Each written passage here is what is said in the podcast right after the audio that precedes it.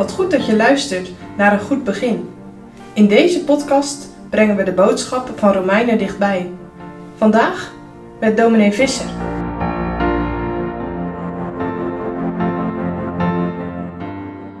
komt het nu dat de Joden, de nakomelingen van Abraham en Jacob, de heilboodschap van de gekomen Messias niet hebben aangenomen. Daarop gaat Paulus verder in, in het volgende gedeelte in Romeinen 9. Paulus zegt dat het niet zo is dat het woord van God is uitgevallen of krachteloos geworden. Dat de Joden dat heil niet aanvaarden in meerderheid, dat ligt dus niet aan het woord van God. Want dat is levend en krachtig het scherpsnijdend en enig tweesnijdend scherp zwaard. Dat ligt aan het Joodse volk. Want niet iedereen die een Israëliet genoemd wordt, is ook een ware Israëliet. En niet iedereen die zaad van Abraham is, wandelt ook in de voetstappen van Abraham. Abraham, Ismaël en Isaac. Isaac is de zoon die deelt in het heil. En die door het oprechte geloof deel heeft gekregen aan het heil dat God in Christus heeft tot stand gebracht.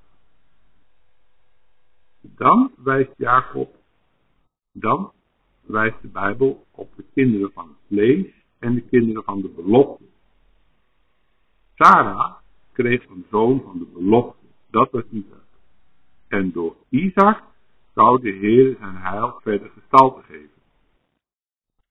Later trouwt Isaac met Rebecca.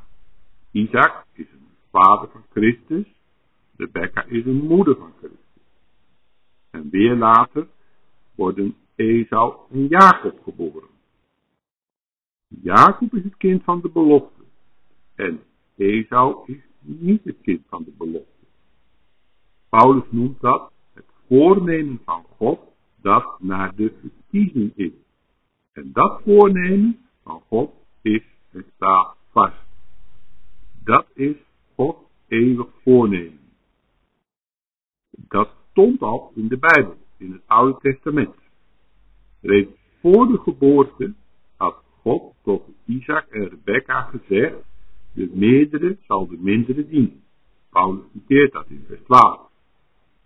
De Bijbel legt die uitdrukking dienen nog verder uit en de Heilige Geest zegt dan bij monden van de profeet Malachi dat daarmee bedoeld wordt, Jacob heb ik lief gehad en Esau heb ik gehaat.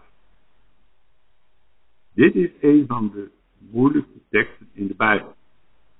Daarom vinden we er ook een toelichting op in de kanttekening. Jacob heb ik lief gehad. De kanttekenaar zegt, dit is Gods eeuwige en onverdiende liefde jegens Jacob. Let erop, als de mens behouden wordt en tot het geloof komt, gaat het terug op Gods verkiezende liefde. En die verkiezende liefde is van eeuwigheid en die is door mensen niet verdiend. Paulus zegt dus tegen de broeders in Rome dat jullie gelovig zijn geworden en dat jullie behouden worden. Dat is niet afhankelijk van jullie zelf en dat hebben jullie niet verdiend, maar dat is God verkiezende liefde geweest.